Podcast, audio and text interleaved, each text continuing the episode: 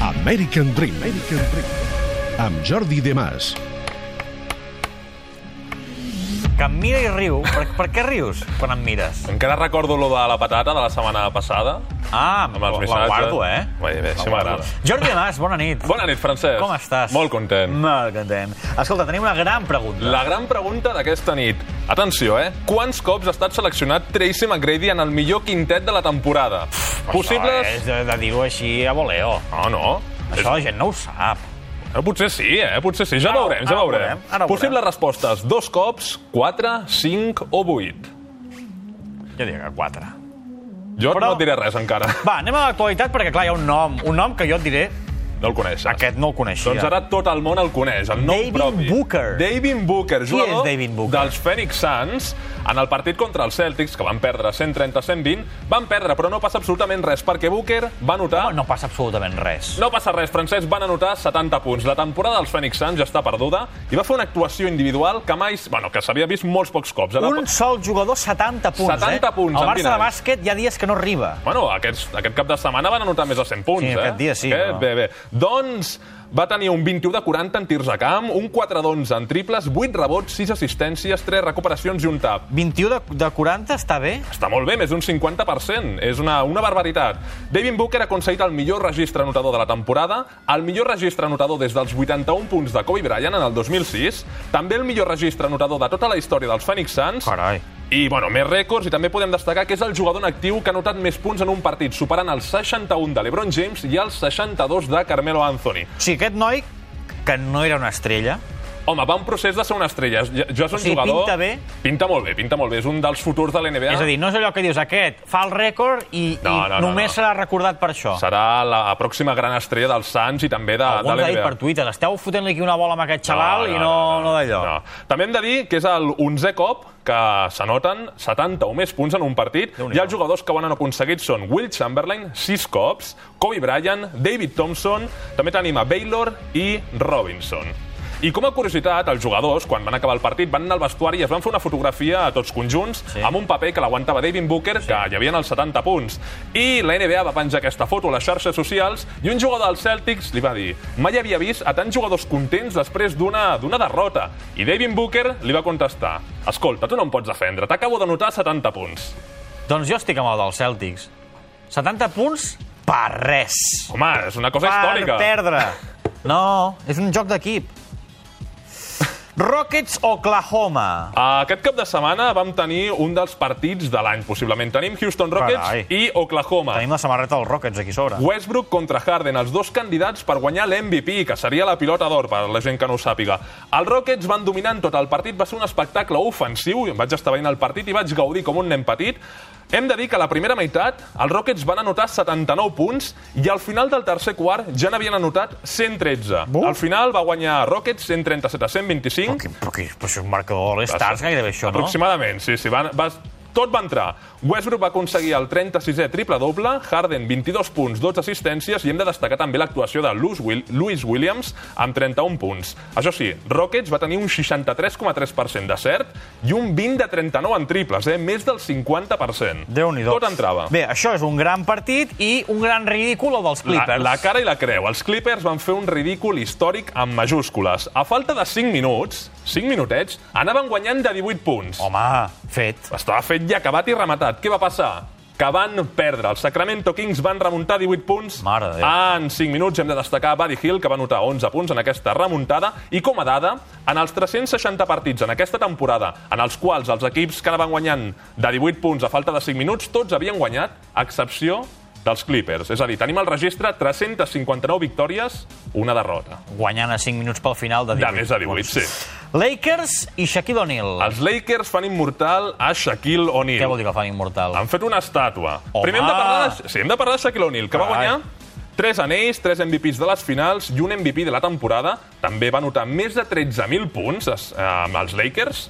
I li han fet una estàtua que pesa més de 500 quilos. Com ell. Aproximadament. Eh? Shaquille O'Neal cada cop està més... Aviam si vigila la dieta, però Shaquille O'Neal s'ho pot permetre tot, perquè és una llegenda, és un dels més grans de tota la història, i hem de dir que va ser una cerimònia molt especial on van estar les llegendes del conjunt angelí, juntament amb Kobe Bryant, Karim Abdul-Jabbar i companyia. La pròxima estàtua quina serà? La de Kobe Bryant? Doncs segurament ja la- ja l'han ja de fer sí o sí. Home, això de les estàtues està molt, molt de moda, ara parlàvem de la de Cruyff, però uh, Shaquille O'Neal se la mereix, no? Sí, oi tant, oi tant que se la mereix. Sí, sí, Amb sí. els Lakers. Amb els Lakers, sí. Va guanyar 3 anells, 3 campionats i 3 MVPs de les finals. I la de Kobe Bryant, La de Kobe Bryant... ho dius tu, que està en camí o realment està No, no, en camí? l'han de fer, no sé si està en camí o no, però estem parlant possiblement, juntament amb Magic Johnson, del millor jugador de la història dels Lakers. Va, a veure... Més Uh, titulars. què passa? Ah, temporada rècord, la d'aquest any. Primer tot, cop... Tot, tots són rècords. Sí, tots sí, són primer rècords. cop que nou jugadors diferents han anotat 50 o més punts en un partit. Tenim a Booker, Clay Thompson, Westbrook, Cousins, Harden, Butler, Wall, Thomas i Davis. No havia passat mai, això, eh? No. Després tenim Kevin Durant, que es va lesionar, l'estrella dels Golden State Warriors. Bones notícies, podria tornar d'aquí dues setmanes, podria tornar a jugar abans de que comencin els play-offs. L'han trobat a faltar? Sí, l'han trobat a falta, tot i que han anat, han anat guanyant partits. Han trampejat els marcadors, com a mínim. Sí, però també han tingut algunes derrotes, però el troben a faltar. I anem amb la NCAA, el bàsquet universitari. I no en tenim prou amb l'NBA, que també tenim També, els, què és els notícia? nois. Sí, North Carolina va eliminar a Kentucky en un final molt apretat, Home. on Luke May va fer una cistella per guanyar el partit en els últims segons, que va fer que tot el pavelló, tots els aficionats, tota la gent del món s'aixequés de, la, de la cadira, perquè va ser, va ser impressionant. Hem de dir que a la Final Four la jugaran Gonzaga Bulldogs contra South Carolina Gamecocks i a l'altra part tenim Oregon Ducks contra North Carolina. Escolta, veig que el marcador va ser molt curt. 75-73. A, la- a, la, a la universitat fan menys punts que l'NBA? Depèn del partit. Hi ha partits Però que vull ja... dir, hi ha partits de l'NBA que acabin 75 a 73? Rarament ho veiem, però... Sembla d'Eurolliga. Rarament ho veiem, però hi ha, hi ha vegades que algun equip de NBA s'ha quedat amb 70 punts. Depèn del dia, si encerten molt o no. Catalans! Catalans, Pau Gasol, 19 punts i 10 rebots amb un 3 de 4 de triples. Aquest any Pau Gasol està molt bé des de la línia de 3. No, des que el vam entrevistar.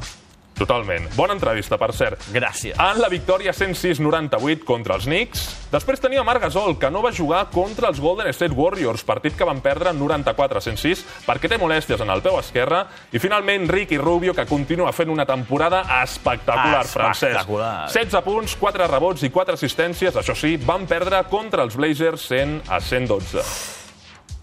Classificacions. A la Com ho tenim? conferència és Cleveland Cavaliers van primers, sí, amb 47 victòries, però els Celtics en tenen 48, és, però també tenen una derrota més. I si aquesta nit a Cleveland perd, els passarien. I finalment Wizards a la tercera posició amb 45. I a la conferència oest, Golden State Warriors una setmana més, 59 victòries, San Antonio 56 i Rockets 51.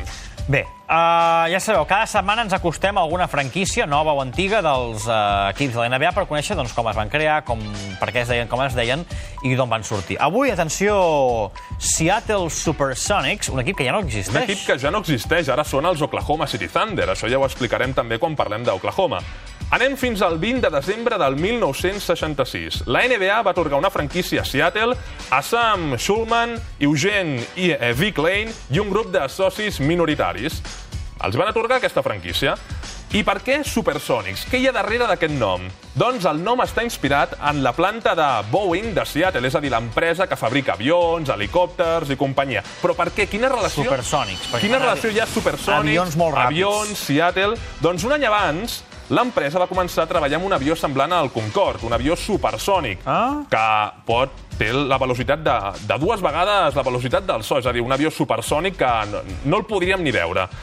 Que aquest, aquest avió es diria el Supersonic Transport. L'avió, però, mai es va enlairar, però la participació de Boeing va tenir una, una, una rellevància, una significància tan important per Seattle que quan es va preguntar el nom que volien triar per a aquest equip, van dir Supersonics. Home, mola, Van dir no, Supersonics. mola. És un nom que Enganxa, agrada, enganxa. l'empresa eh, va causar sensació a Seattle i va guanyar per golejada. I també hem de dir que eren coneguts com Sonics, la l'abreviació. Va Van guanyar, desaparèixer. va desaparèixer, van guanyar un anell en el 1979 i va desaparèixer el 2008, que van anar a Oklahoma City Thunder, volien remoladar el pavelló, necessitaven una quantitat econòmica molt gran, no la van tenir, i finalment van vendre la franquícia i se'n van anar cap a Oklahoma. Una cosa que va, va despertar moltes crítiques. Seattle és un lloc on el bàsquet es viu molt i, de fet, s'està parlant d'una nova franquícia a Seattle, però és una cosa complicada. Mireu això de la NBA com va. que d'un dia per l'altre pots trobar que el teu equip, que la penya desapareix, o que el Barça desapareix, o que l'Unicaja... Això no pot, no, no pot ser de cap manera. Va, ràpidament, la curiositat d'aquesta setmana. Uh, L'Ebron James va jugar amb unes ulleres grogues, una cosa molt, molt estranya. Per què? Perquè en el partit contra els Hornets es va lesionar la còrnia i contra els Wizards va haver de portar una, unes ulleres especials. Això sí, en el mig del partit es va cansar, no li entraven les canastes, va agafar les ulleres i les va llançar. I diu, fora, no les vull. No les El vull. riu Unyà, com l'ascens Machin. Va, repassem la pregunta de la setmana i a veure quina és la resposta. La gran pregunta, la recordem, quants cops ha estat seleccionat Tracy McGrady en el millor quintet de la temporada? 2, 4, 5 o 8? Dóna'm la resposta, La Jordi resposta de Mas. correcta, dos cops, en el 2002 i en el 2003, dos anys seguits. Dues vegades. I per Eh, cert, jugador del Rockets també, que hem portat la samarreta. Estem veient la classificació, ens la sabem ja gairebé. Uh, la, la resposta correcta és dues vegades. Demàs, vegades. moltes gràcies. Gràcies a tu.